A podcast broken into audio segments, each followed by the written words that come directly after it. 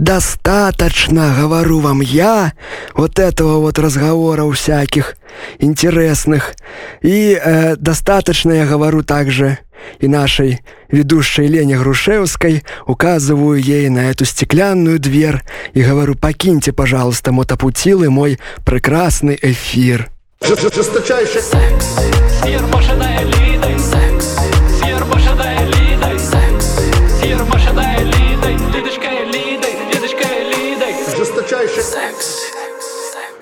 Доброго времени суток, мои дорогие! На том же месте и у тот же час. Час уже субботний, это шаббат, и у микрофона самый кошерный из присутствующих тут у студии ведущих Рыгор Фикалис. Приветствую у всех неравнодушных граждан у программе «Секс с Ермошиной Лидой». Как вы уже могли понять по названию, это политика, политическая и аналитическая, да, программа. В ней мы знакомимся с новостями прошедшей недели. А помогают нам у этом честнейшие издания, такие как телеграм-канал президентской газеты «Советская Белоруссия», а также информационное агентство «Панорама», сайт panorama.pub. На этой неделе с нами начал сотрудничать политический колдун Алексей Дермонт.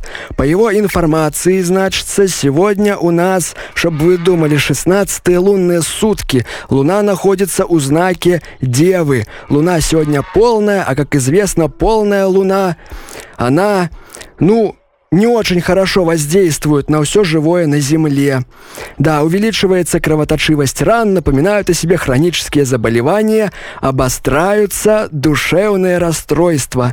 Кстати, на этой неделе гомельский полковник Крывоносов устроил настоящую энергетическую революцию, но об этом далее в выпуске новостей.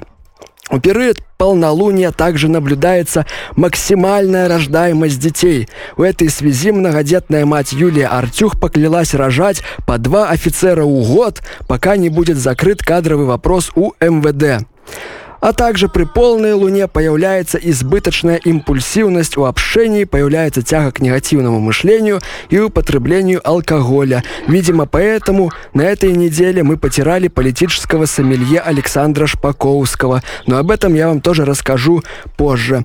А на дворе уже почти весна. Да, скоро все начнется. То, что должно начаться, если вы понимаете, о чем я. Э, ну, я, конечно же, про разного рода весенние обострения, да. И перед тем, на этой неделе произошла долгожданная встреча нашего нежно любимого лидера нации и Путина.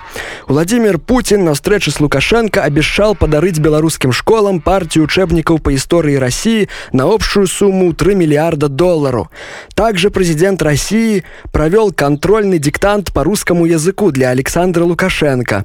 Ну а после диктанта Александр задал Владимиру вопрос. Жрать что будем?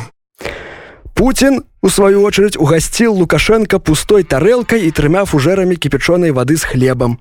Лукашенко остался недоволен встречей с Путиным у Сочи. Как сказал он после приезда, даже расходы на дорогу не отбили. Утром выпил. День свободы. Ну а по приезду домой он завел свою обычную тему про тех, кто его не любит. Вот что он им сказал. Ну да, Лукашенко надоел, понятно, но я же не сахар, чтобы лизали и сладко было. Иногда нужно просто лизать и помалкивать. Массандру брать. А вот что на тему лизания нам рассказала председатель Совета Республики Национального собрания Наталья Качанова. Во время войны была огромная проблема с солью и сахаром. И если сахар был просто несбыточная мечта, то соль нам удавалось добывать при помощи языка и смекалки. Когда на фронте наступала ночь и стихала канонада, мы совсем маленькие девчушки у легких ситцевых платьицах ползли к вражеским позициям, выискивая железнобетонные доты. Догадались? Да, мы подползали к дотам и жадно облизывали соль, проступающую на их бетонных стенках. Вкуснотища такая, что не обращаешь внимания ни на что. Вот так налижемся за ночь солей и обратно ползем к своим с красными языками. Ну, что такое расскажет? Кстати, по итогам встречи Александра и Владимира На помощь Беларуси пришел Центральный банк Венесуэлы. Он выделит Беларуси стабилизационный кредит у размера трех квантиллионов суверенных боливар. Утром выпил. День свободы.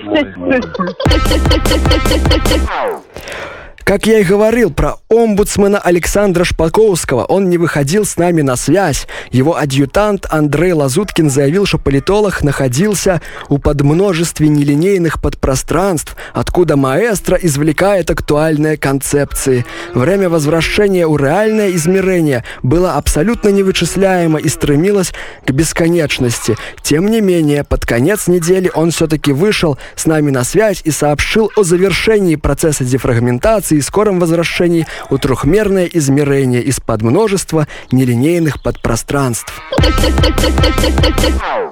Первый энергоблок белорусской атомной электростанции отключили от сети 20 февраля. Пробует он в таком состоянии около года. У Госатомнадзора просят население не беспокоиться. Это рабочий процесс. Сотрудники АЭС уже близки к пониманию процесса деления ядер. Радиационный фон у пределах космической нормы. Oh.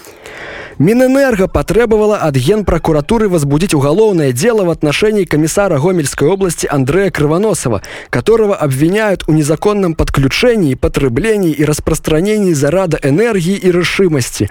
Ущерб государству составил более 2334 рублей. Все видели эти видео, а особо ушлые белорусы даже начали заряжать зарадом энергии позитивной воду перед экранами телевизоров. Кстати, сегодня стало известно, что полковник Андрей Кривоносов разродился дважды за день. Выдержало бы сердце у полковника. Э. Кстати говоря про сердце, ученые Академии наук смогли доказать, что сердце, показанное Марией Колесниковой, имеет все признаки радикальной ошибки, в то время как сердце, которое показывал полковник Кривоносов, наиболее близко к реальному. Массандру брать. Мужчина из Витебска подал в суд на нашего Пегаса Пера и неутомимого любовника Андрея Муковозчика и его книгу, которая из-за особенностей переплета и качества бумаги причинила травмы сфинктер ани экстернус, а также моральные страдания покупателю. После этого Андрей Муковозчик заключил контракт с брендом Зева на переиздание своей суперпопулярной книги у новом круглом формате.